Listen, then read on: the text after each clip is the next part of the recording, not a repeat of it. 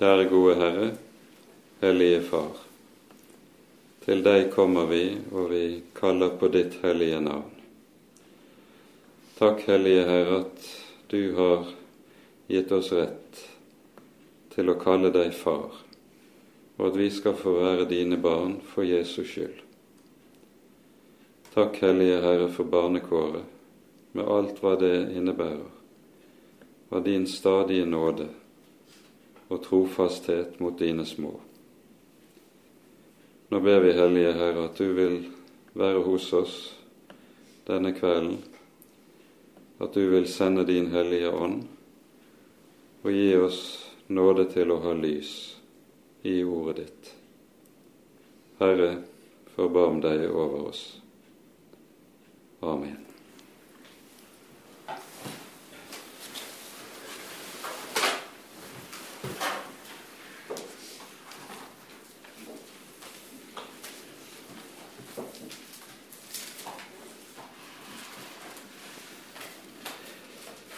Når vi nå går inn i det syvende kapittelet i apostlenes gjerninger, så går vi inn i et kapittel der vi også finner den lengste talen, sammenhengende talen, som vi også finner i apostelgjerningene. Eh, talen er nesten dobbelt så lang som Peters tale på pinsedag. Og eh, den er ganske særegen på flere måter, som vi etter hvert skal komme tilbake til. Um, Stefanus står anklaget for Det høye råd. Det er tredje gangen vi hører at noen for Jesus skyld er dratt for rådet om å stå til rette for forkynnelsen av evangeliet. De to første gangene som vi hører om dette, det er jo eh, når Peter og Johannes sammen er for rådet, slik vi hører om det fra kapittel 4 og kapittel 5. Så det er, men nå er det tredje gang. De to første gangene er det som eh, er anklagepunktet. Eh, Det som er anklagepunktet, det er at Peter og Johannes forkynner i Jesu navn og forkynner Jesu oppstandelse. Mens nå, nå er anklagepunktet eh, annerledes. Vi hører det angis i slutten av kapittel 6, at Stefanus anklages for å ha talt mot Moses, eller loven, og mot tempelet. Det har tydelig vært en eh, diskusjon som er foranlediget av at Stefanus har virket som evangelist i, antagelig på tempelområdet, gitt seg inn i samtale, og så eh, er det da slik at Stefanus hører til de gresktalende jøder. Eh, menigheten i Jerusalem, sånn som vi hørte sist gang vi gikk gjennom eh, kapittel 6, eh, har tydelig et betydelig innslag av gresktalende jøder. Jøder som altså er født og vokst opp ute i den store diasporaen. Den gang som nå bodde det flere jøder utenfor landet Israel enn i selve landet. Men så var det en ganske utbredt skikk at i hvert fall de som var bemidlet, når de nærmet seg alderdommen, så eh, forlot de sitt i eh, utlendigheten, reiste til Jerusalem med ønske om å få lov til å dø i Jerusalem og bli begravet på Oljeberget. Og Dette var en relativt utbredt skikk den gang. Det å på, bli begravet på Oljeberget hørte med til noe av det høyeste ønsket innenfor døden for jøder den gang og i dag. Så var det visse spenninger som vi hørte om i kapittel 6 mellom de gresktalende og de hebraisktalende jøder i menigheten. Dette løses da på den måten at det utnevnes syv diakoner som skal sørge for dette som har med matutdeling, at dette går rettferdig for seg. Og de syv som da kalles til dette, de er selv gresktalende. Stefanus, at de er gresktalende, ser vi av at alle sammen har greske navn. Stefanus har altså også da eh, med størst sannsynlighet hørt til disse gresktalende jøder, og det er i diskusjon med disse han involveres. Og i denne diskusjonen så blir temperaturen til slutt meget høy, og eh, de som eh, da føler de det sies jo om Stefanus at disse diskusjons- eller samtalepartnerne de kunne ikke stå seg mot den ånd som Stefanus talte av.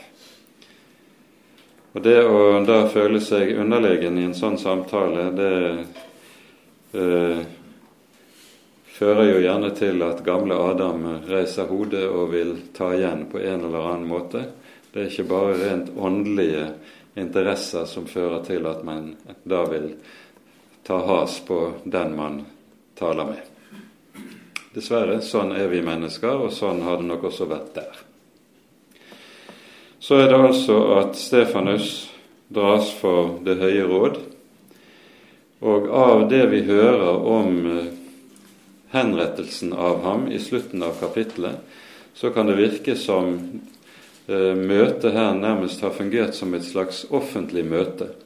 For det er ikke bare Det høye råd som til slutt drar Stefanus med seg utenfor byen og steiner ham, men det er en hel lynsjemobb som er med på dette.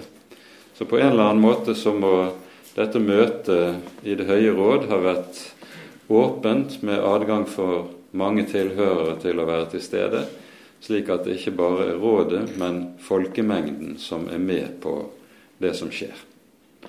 Dette er litt om det rent ytre i dette. Det som vi også skal minne om i denne sammenheng, det er hvem det er som presiderer for Det høye råd. Det er ypperstepresten, som jo er leder for Det høye råd, det er Kaifas. Og det er altså samme mann som vi hører i Johannes 11 si forut for prosessen mot Jesus. Det er bedre at én mann dør for folket, enn at hele folket går til grunne. Det er han som i spissen for Saduseerpartiet er selve drivkraften bak henrettelsen av Jesus. Fariseerne hadde nok hatet Jesus lenge og stått ham imot. Men det er saduseerne som, når det kommer til stykket, står bak den egentlige henrettelsen. Det er også disse som, eh, når Jesus har stått opp fra de døde, bestikker soldatene som var lagt på vakt utenfor graven, til å si at de var falt i søvn på vakten, og disiplene var kommet mens de sov, og hadde tatt liket med seg for å forføre folket. Når eh, ypperstepresten og disse lederne for Det høye råd får høre soldatenes beretning, så betyr det at de kan ikke ha vært det aller minste tvil om hva som har skjedd. Soldatene hadde jo ikke bare eh, så å si opplevd eh, oppstandelsen. De hadde også møtt Herrens engel som steg ned, rullet steinen fra graven, og det står at de faller i uvit på grunn av angst og forferdelse i møte med Herrens engel. Slik at når soldatene forteller hva som har skjedd, så vet også ypperstepresten og ledelsen i Det høye råd utmerket godt hva som har foregått. Graven er tom. Jesus har stått opp. De vet det. Sånn at motstanden mot evangelieforkynnelsen, som du finner fra folkets lederskap, det er en motstand mot bedre vitende. Og Dette er ganske viktig å være oppmerksom på, for det setter i klart relieff den forherdelse som vi står overfor, og som ligger bak når nå først Peter og Johannes kalles til rette for rådet, og så etter hvert også Stefanus. Og når vi nå har pekt på akkurat dette, så er det nettopp folkets forherdelse som er noe av hovedtemaet i Stefanus' tale. Denne talen er ikke en vanlig forsvarstale. Når Stefanus anklages for å ha talt mot Moses, mot tempelet, så skulle vi jo forvente da at han ville forsvare seg ganske klart mot disse anklagene. Vi finner i veldig liten grad den slags forsvar i Stefanus' tale. I stedet finner vi en gjennomgang av noen av de viktigste punktene eller begivenhetene i Israels historie. Og med dette som bakteppe pekes det på hvorledes Guds folk, det utvalgte folket, på ny og på ny har forherdet seg mot Herren mot hans budbærere. Og som det skjedde i Det gamle testamentets tid, så skjer det også nå. Og det er det Stefanus' tale munner ut i. Denne måten å så å si legge opp talen på Stefanus har nok ikke planlagt dette på forhånd. Når han holder sin tale, så er dette en tale som er inspirert ut av det som det løftet som Jesus har gitt når hans venner stilles til regnskap for sin tro. Hans, Jesus sier uttrykkelig i Matteus 10.: Når dere stilles for domstolen, da skal dere ikke tenke ut på forhånd hva dere skal si, men det skal bli gitt dere i samme stund av Den hellige ånd. Og Sånn er det også med Stefanus' tale i denne sammenheng. Men talen er likevel holdt etter et mønster som du finner en rekke steder i Det gamle testamentet. Hvis du leser f.eks. Salme 78 eller Salme 106, så finner du en tilsvarende måte å eh, minne om det som skjer i Israels historie. Herren har gjort sine velgjerninger, men hva gjør Guds folk? De gjør opprør. Og så kommer det et nytt avsnitt der det tales om Guds trofasthet og hans velgjerninger. Men hvordan svarer Herrens folk på det som skjer? Med opprør.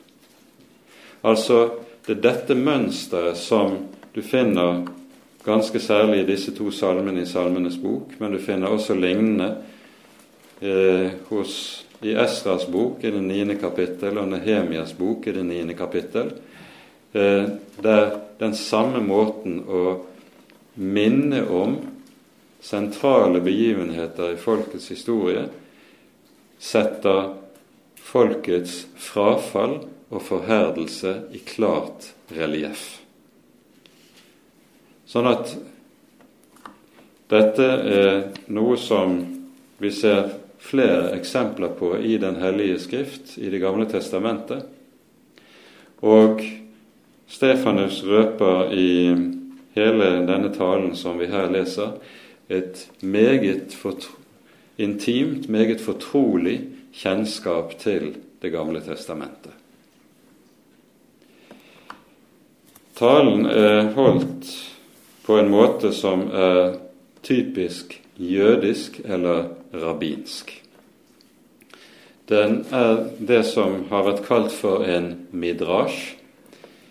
Eh, en midrasj det er nettopp en oppbyggelig tale over en gammeltestamentlig tekst som eh, du kan finne det i eh, en egen sort litteratur som man finner i jødisk tradisjon. Det finnes en rekke såkalte midrasjer som går tilbake helt til 300-400-tallet, som er prekener holdt over gammeltestamentlige tekster. Og eh, Stefanus' tale er på mange måter en slik midrasj. Ordet midrash kommer av det hebraiske verbet darash, som betyr å granske eller ransake. Jesus sier jo i Johannes 5, 39 til eh, noen fariseere som han der snakker med, dere ransaker Skriftene og tenker at dere i dem finner evig liv, men dere vil ikke komme til meg for å få liv. Og dette ordet 'ransake' og 'ransake Skriftene', det er nettopp det som det verbet som vi finner igjen i ordet 'midrasj'. Og noe av det som var prekenidealet i midrasjen, det var at en skulle så å si sette sammen eh, bibelord som perler på en snor. Og så skulle de ulike bibelordene som en da satte sammen og føyet til hverandre, de skulle belyse hverandre, utdype hverandre, og så skulle det eh, gi den åndelige oppbyggelse som eh, var tanken bak talene. Så dette er så å si formen for eh, tale som eh, Stefanus her holder. Og den røper altså en dyp, dyp fortrolighet med eh, hele den jødiske tradisjonen og prekenformen. Så her har vi et veldig karakteristisk uttrykk for den jødiske eh, konteksten som apostlenes gjerninger utspinner seg i.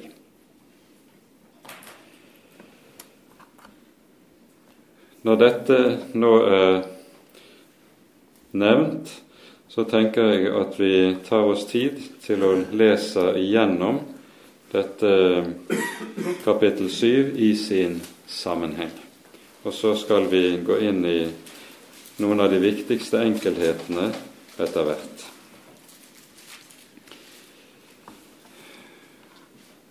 Da sa ypperstepresten, er dette sant? Det er altså anklagene som har vært holdt mot Stefanus, som vi hører om i slutten av kapittel 6. Og Stefanus svarte, Brødre og fedre, hør på meg. Herlighetens Gud viste seg for vår far Abraham mens han var i Mesopotamia, før han bosatte seg i Karan og han sa til ham, Dra ut fra ditt land og fra din slekt, og gå til det land jeg vil vise deg. Da dro han ut fra Kaldealandet og slo seg ned i Karan. Og etter at hans far var død, lot Gud ham flytte derfra til dette landet som dere nå bor i. Han ga ham ingen eiendom i det, ikke en fotsbredd, men han lovet å gi ham landet til eiendom og hans ett etter ham, enda han ikke hadde barn. Og Gud talte slik:" Hans ett skal leve som utlendinger i et fremmed land. Folket der skal holde dem i trelldom og mishandle dem i 400 år. Men det folk de skal trelle under, vil jeg dømme, sa Gud, og deretter skal de dra ut derfra og tjene meg på dette sted. Og han ga ham omskjærelsens pakt, han fikk så sønnen Isak og omskar ham på den åttende dag, og Isak fikk Jakob og Jakob de tolv patriarkene. Og patriarkene ble misunnelige på Josef og solgte ham til Egypt, men Gud var med ham. Han fridde ham ut av alle hans trengsler og ga ham nåde og visdom for faraos, egypterkongens, øyne. Han satte ham til høvding over Egypt og over hele sitt hus. Så kom det hunger over landet Egypt og over Kanaan. Det ble stor nød, og våre fedre fant ikke noe å mette seg med. Men da Jakob fikk høre at det var korn i Egypt, sendte han våre fedre dit, først én gang. Den andre gangen ga Josef seg til kjenne for sine brødre, og farao fikk kjennskap til Josefs slekt. Josef sendte da bud og kalte til seg sin far Jakob og hele sin slekt, 75 sjeler. Så dro Jakob ned til Egypt, og han døde, han og våre fedre. De ble ført til Sikkem og lagt i den graven som Abraham kjøpte av Hamors barn i Sikkem for en kjøpesum av sølv. Ettersom nå tiden nærmet seg, da det løftet Gud hadde gitt til Abraham skulle bli oppfylt, vokste folket og ble tallrikt i Egypt inntil det sto frem en annen konge over Egypt, en som ikke kjente Josef. Han for frem med list mot vårt folk.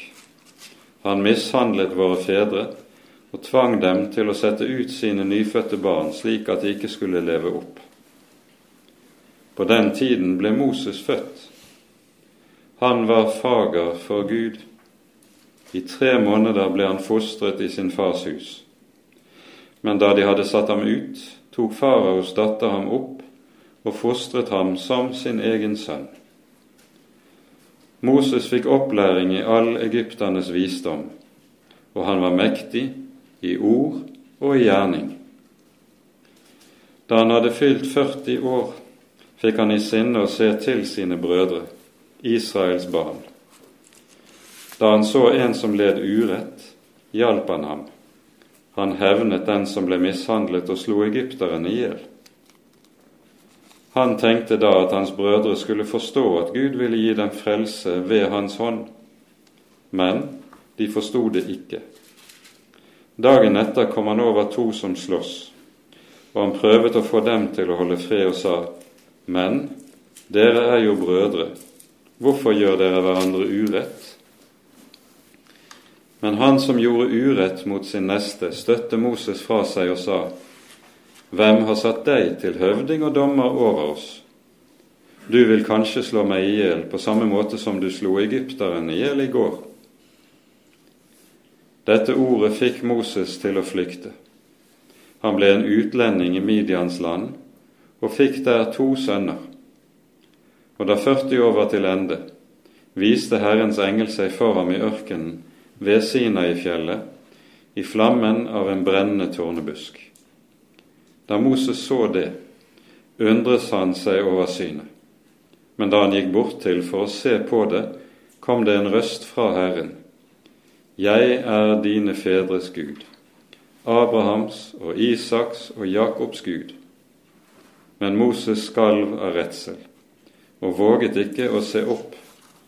Og Herren sa til ham, Løs skoene av dine føtter, for det sted du står på er hellig grunn.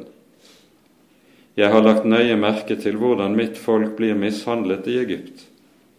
Deres sukk har jeg hørt, og jeg er steget ned for å fri dem ut. Og nå, kom, jeg vil sende deg til Egypt. Denne Moses som de fornektet da de sa, Hvem har satt deg til høvding og dommer? Ham sendte Gud, både som høvding og redningsmann, ved den engelens hånd som viste seg for ham i tårnebusken. Han var den som førte dem ut. Han gjorde under og tegn i Egypt og i Rødehavet og i ørkenen i 40 år. Han er den Moses som sa til Israels barn:" Gud skal reise opp for dere en profet, like som meg av deres brødre. Han er den som i menigheten i ørkenen var med engelen som talte til ham på Sina i berg, og med våre fedre. Han mottok levende ord for å gi dem til oss. Ham ville våre fedre ikke være lydige imot. De skjøv ham fra seg, og i sine hjerter vendte de seg til Egypt. De sa til Aron, Gjør oss guder som kan dra foran oss, for vi vet ikke hva som er hendt med denne Moses, han som førte oss ut av landet Egypt. Og i de dager laget de seg en kalv bar frem offer til avgudsbildet og gledet seg over det som deres egne hender hadde laget. Men Gud vendte seg bort og overga dem til å dyrke himmelens hær, som det står skrevet i profetenes bok.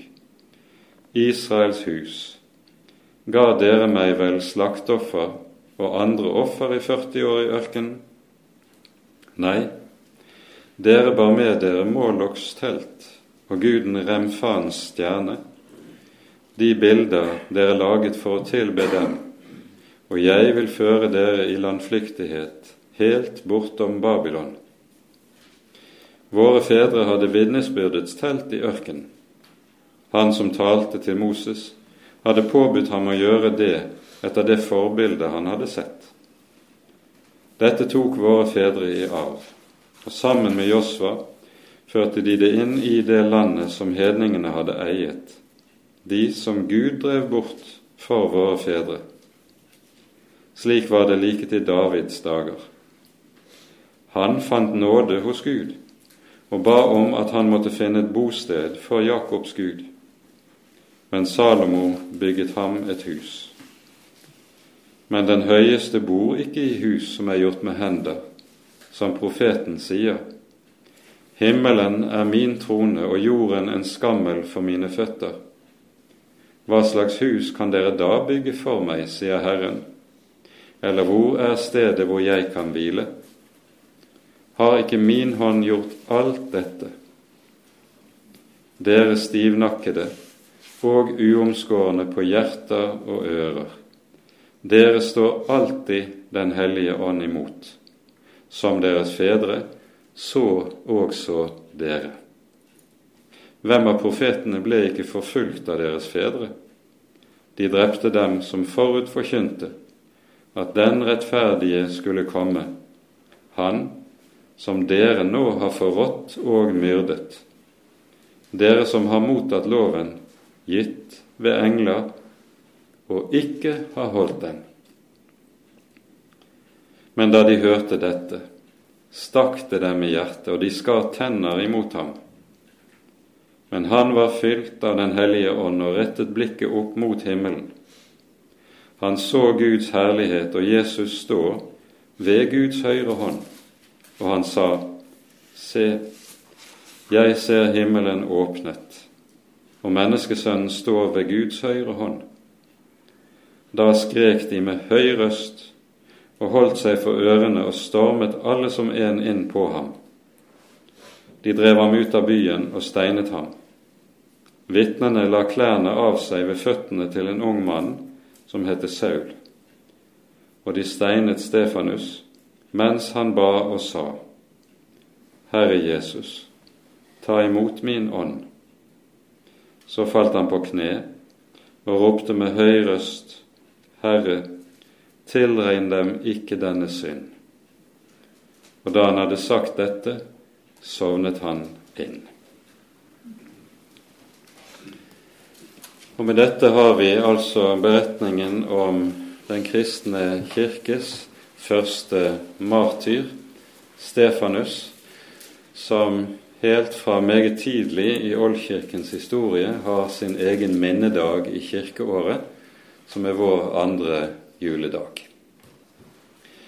Det står om at vitnene til lynsjingen la klærne sine, altså ytterkappene, ved en ung manns føtter, hvis navn var Saulus. Og det er ikke usannsynlig at når Lukas kan gjengi denne Stefanus' lange tale sånn som han gjør, så kan det være rett og slett Saulus, Paulus, som har vært referent. Han var til stede, vet vi og forstår vi. Og med den meget høyt oppøvede memoreringsteknikk som man fant hos fariseerne, så er det ikke urimelig at han kunne huske meget godt det som var sagt i Stefanus' tale. Det kan jo i parentes nevnes at for å bli tatt opp i fariseerpartiet så skulle en både kunne Det gamle testamentet utenat på hebraisk, i tillegg til at en skulle kunne høre en tale på 20 minutter én gang og gjengi den ordrett. Dette sånn at den høyt oppdrevne memoreringsteknikken som man fant i datiden, og som man fortsatt kan finne hos enkelte som har trent seg tilstrekkelig, den uh, gjør at det slett ikke er urimelig å tenke at talen er ganske korrekt gjengitt i det vi her leser. Lukas var jo Paulus' disippel, og har antagelig da fått høre av Paulus' egen munn beretningen om hva som skjedde ved denne anledning.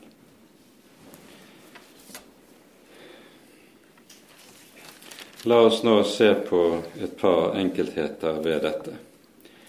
For det første så er det sånn at hvis man sammenligner eh, noen av de bibelsitater som vi her hører i dette kapitlet, med de teksten, aktuelle tekstene i Det gamle testamentet, så vil en finne at det ofte er eh, ganske stor frihet i gjengivelsen av tekstene i Det gamle testamentet. Denne betydelige graden av siteringsfrihet, den skriver seg fra at uh, disse sitatene er hentet fra den greske oversettelsen av Det gamle testamentet, som var i omløp på denne tiden. Den kalles for Septuaginta. Og Dette er en oversettelse fra hebraisk til gresk som var ganske fri i hele måten å gjengi den hebraiske teksten på. Og Dette gjenspeiles her, ikke minst i et par enkeltheter. Det er et sitat fra Amos bok, eh, kapittel 5, eh, der vi hører eh, i vers 43 De er bar med dere Måloks telt og guden Remfans stjerne. Eh, dette sitatet er meget fritt gjengitt fra Mos, men er ganske tett på det du finner i Septuaginta-teksten. Guden Remfan, det er eh, høyst sannsynlig eh, Saturn. Det var nokså vanlig under påvirkning fra babylonsk eh, gudsdyrkelse at man dyrket ulike av eh, ikke først og fremst fikkstjernene, men planetene som beveget seg på himmelhvelvingen, de ble dyrket som guder, de symboliserte guder. Så dette er en del av den gudsdyrkelse som altså har preget Israel i frafallstiden, og som påpekes her. Det nevnes også dette at de tallet på Jakobs hus som flyttet til Egypt når Josef var erkjent og gjenkjent, var 75, hører vi her. I andre Mosebok sies det at det var 70. Og Dette henger også sammen med Septuaginta-teksten, som sier at det var 75 fedre som flyttet til Egypt, mens den hebraiske teksten altså sier 70. Så disse variasjonene henger altså for en stor del sammen med denne greske oversettelsen som kunne være til dels ganske unøyaktig når det gjelder enkeltheter.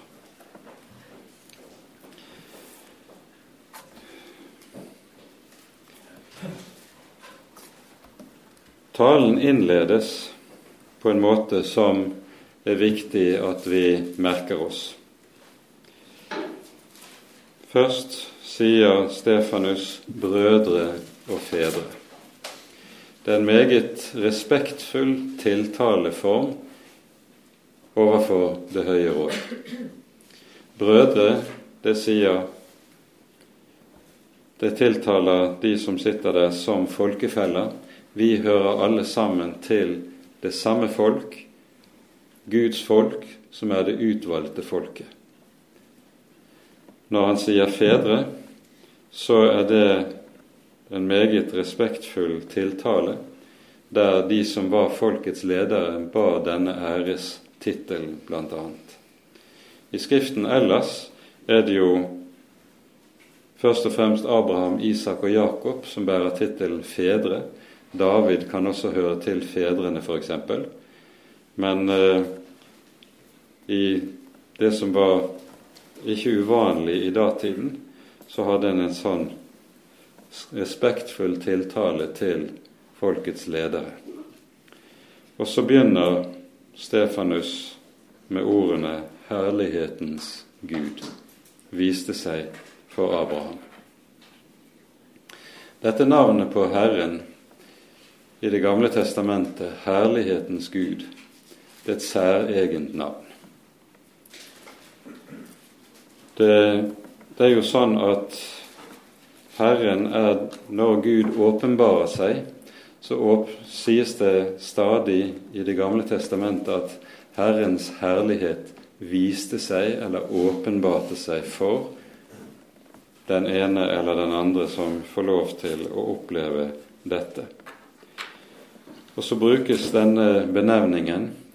Ordet herlighet, det hebraiske ordet kavod, det betyr bokstavelig tyngde. Så når det taler om Guds herlighet, så er det tale om Guds tyngde. Altså helheten, totaliteten av det Gud er i sitt vesen. Det er det som åpenbares når Guds herlighet viser seg. Og Det er meget tankevekkende at når Paulus så skriver til korinterne og vi hører i kapittel 1 og 2 at han taler om ordet om korset. Så sier han at han som ble korsfestet, var herlighetens herre. Intet mindre. En meget sterkt navn på den Herre Jesus. Med det så sier Paulus han som henger på korset, er Det gamle testamentets Gud.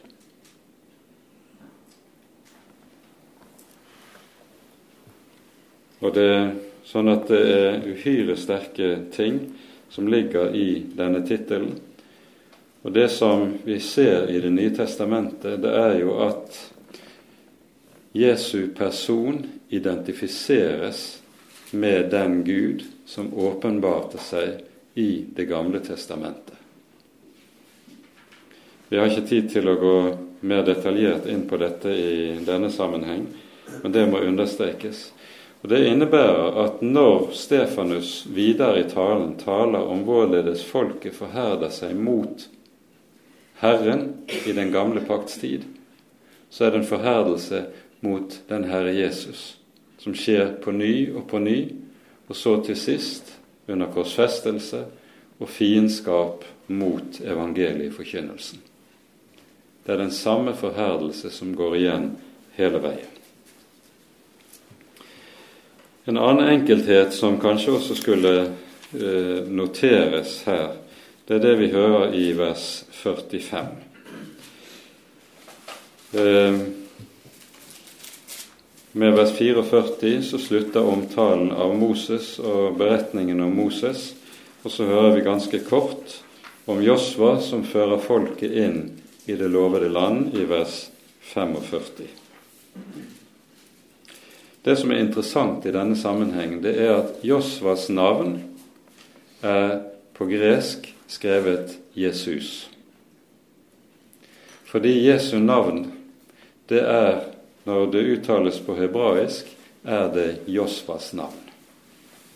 Sånn at det er samme navn det taler om som dukker opp i dette. Og dette har en dyp symbolsk betydning. I det det er slik at Josvas bok har samme eh, spiller samme rolle i forhold til de fem Mosebøkene som Det nye testamentet spiller i forhold til Det gamle testamentet. Josvas bok det er boken om oppfyllelsen av løftene.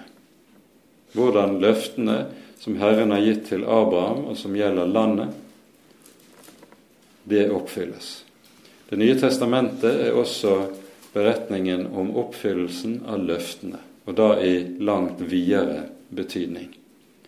Og så er han som oppfyller, bærer samme navn på begge plasser, det er Jesus. Og symbolikken i dette er jo også sterk i det det jo er på det vis at Moses, som symboliserer loven, han kunne ikke føre folket inn i det lovede land. Han kunne føre folket til grensen, men han kunne ikke føre dem inn i landet. Det er Josva eller Jesus som fører dem inn i landet. Og Sånn er det også. Loven kan ikke føre et menneske til frelse. Loven kan føre et menneske til at det ser behovet for frelse, men det er den Herre Jesus som fører inn i det lovede land. Og Denne analogien er uhyre viktig, og det er noe av det som ligger bak når det taler når Josvas navn staves nøyaktig som Jesu navn i denne sammenheng. Vi nevnte innledningsvis at noe av det som er det hovedsaken i Stefanus' tale, det er dette at Stefanus peker på hvorledes folket på ny og på ny har forherdet seg mot Herren og mot åpenbaringen gjennom hele sin historie. Vi kan ganske kort peke på de versene der dette dukker opp. Først i vers 9. Der taler om hvorledes Josefs brødre bærer fiendskap og nag mot ham, selger ham til trelldom i Egypt.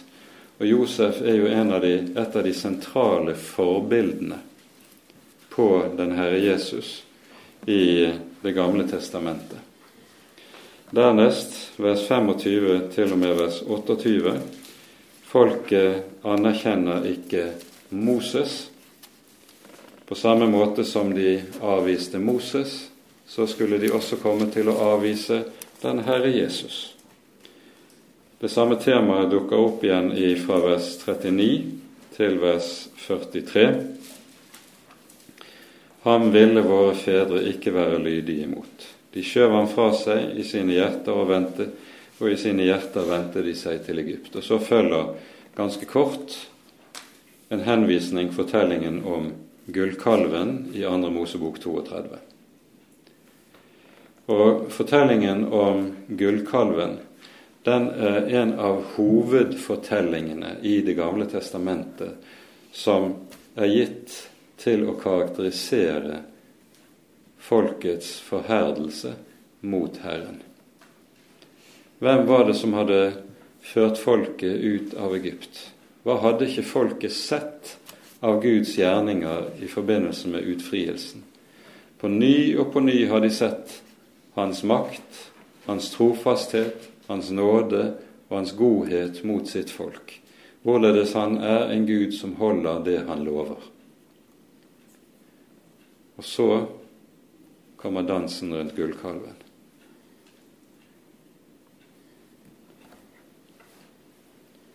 Og så munner det da ut i det som vi møter i vers 51.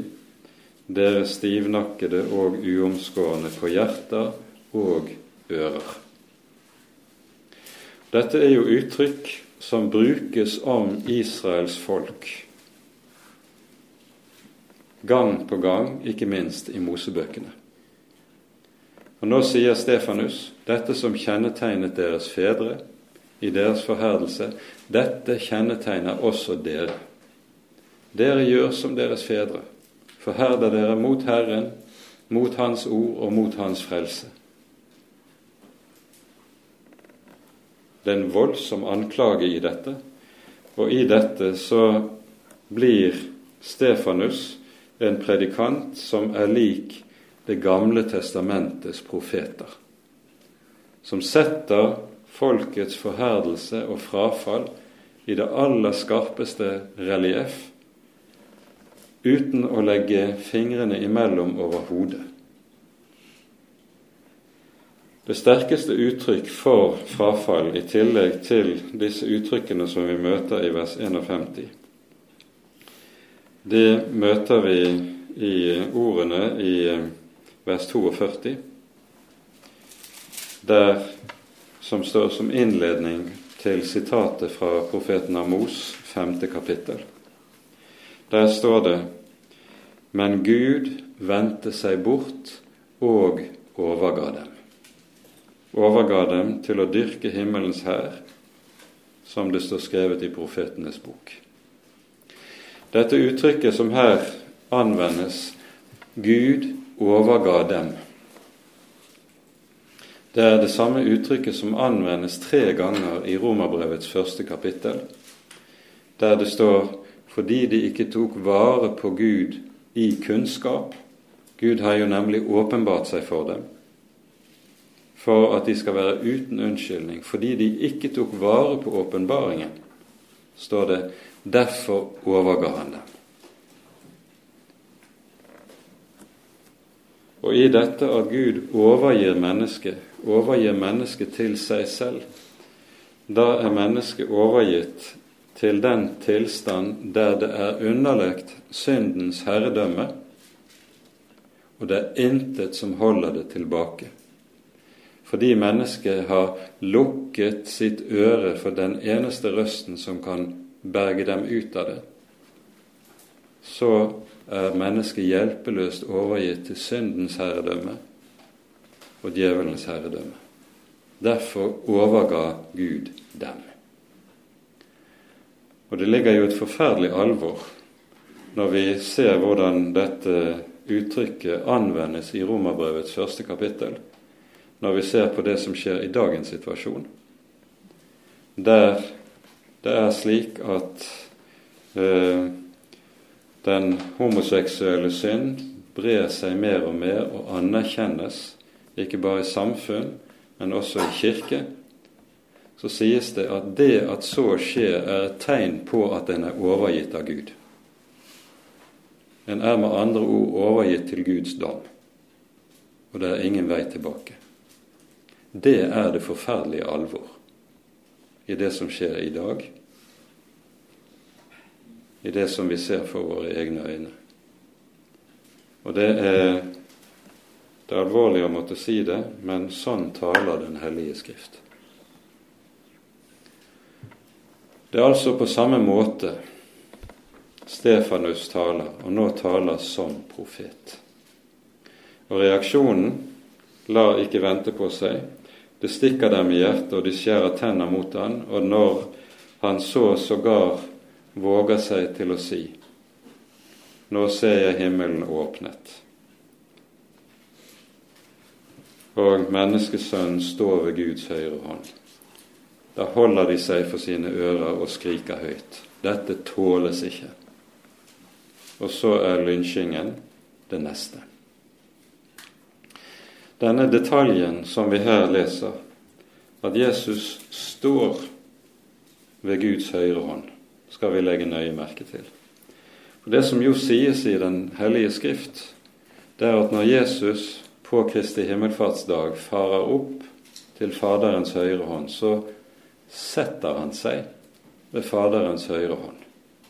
Det å sitte ved Faderens høyre hånd, det er i den bibelske språkbruk uttrykk for å ha blitt overdratt kongemakten. Meg er gitt all makt i himmel og på jord. Derfor sitter Jesus ved Faderens høyre hånd. Men når det nå står at Jesus står, så sies det med dette Jesus har reist seg. Han har reist seg fra sin trone, der hans vitne nå skal lide samme skjebne som han selv gjorde på korset. Og nå er Jesus den som går i forbønn for sitt vitne, den som så å si rekker ut sin hånd for å ta imot ham, når han nå skal få lov til å ære Jesus med sin død. For det som ligger i det som vi her hører, det skal vi ikke glemme. Vi hører det jo i slutten av det femte kapittelet i apostlenes gjerninger, når Peter og Johannes er blitt pisket i Det høye råd, og sendes ut med befaling om ikke mer å tale Jesu navn, så står det at de gikk ut derfra glade over at de var aktet verdige til å vanæres for Jesu navns skyld. Det å forfølges for Jesu navns skyld, det å vanæres, spottes for Jesu navns skyld, det er i Det nye testamentet en ære. Det er uhyre viktig å være oppmerksom på at det som i menneskers øyne ser ut som vanære, det er i Guds øyne og i Guds ord den største ære. Og så har Jesus altså reist seg når hans vitne nå skal lide martyrdøden, dele skjebne med sin Herre og sin Mester, dele skjebne med Guds ord. Og så steines Stefanus, og dette foregår jo nærmest som en lynsjing. Parentes kunne vi kanskje si et par ord om steiningsstraffen den var jo en regulær og lovbestemt dødsstraff i det gamle Israel. Hos rabbinerne finner du ganske detaljerte forskrifter for hvordan steiningsstraffen skulle utføres. Den stakkaren som var dømt til døden på denne måten, han skulle da styrtes ut for en klippe som skulle være en fire-fem meter høy. Eh, en forutsatte da at stakkaren da ble slått bevisstløs hvis han ikke var slått i hjel når han landet. Og så skulle vitnene til forbrytelsen være de som kastet de første steinene. Og steinene skulle ikke være på mindre enn ett eller to kilo, slik at den første steinen som rammet, den ville normalt slå stakkaren i hjel. Det var med andre ord en relativt hurtig død det handlet om ved dette. Eh, og de rabbinske forskriftene er temmelig detaljerte eh, hvordan dette skulle foregå. I Stefanus' tilfelle hadde neppe foregått på denne måten. I og med at det er en lynsjing, så er det ingenting som er regulært og etter de alminnelige forskrifter. Og så ser vi en veldig klar parallell i det som skjer i Stefanus' død, og det som skjer ved Jesu død. Forut for Jesu død går en rettssak med falske vitner. Så også med Stefanus.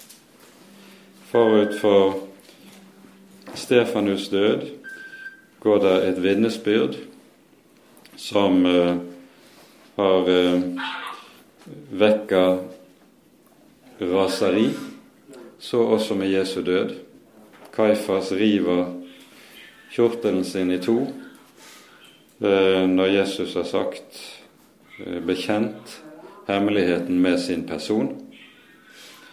Og så, når dødsstraffen så iverksettes, så hører vi at han først ber som Jesus.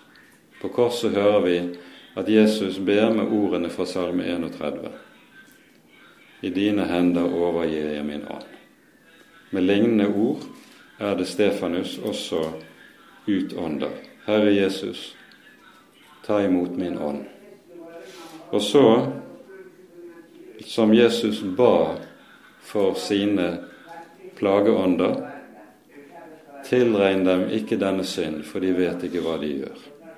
Slik er det også Stefanus ber for dem som har løftet hånd imot ham. Herre, tilregn dem ikke denne synd. Og da han hadde sagt dette, sovnet han inn. Og slik er det at hos Stefanus så ser vi så å si det oppfylles Jesu ord fra Johannesevangeliets 15. kapittel meget bokstavelig. En tjener er ikke større enn sin herre. Har de forfulgt meg, skal de forfølge dere. Det er en meget stor likhet, en meget nær parallell, mellom den Herres Jesu død og Stefanus' død. Med det setter vi punktum for dagens gjennomgang. Ære være Faderen og Sønnen og Den hellige ånd, som var og er og være skal en sann Gud, høylovet i evighet. Amen.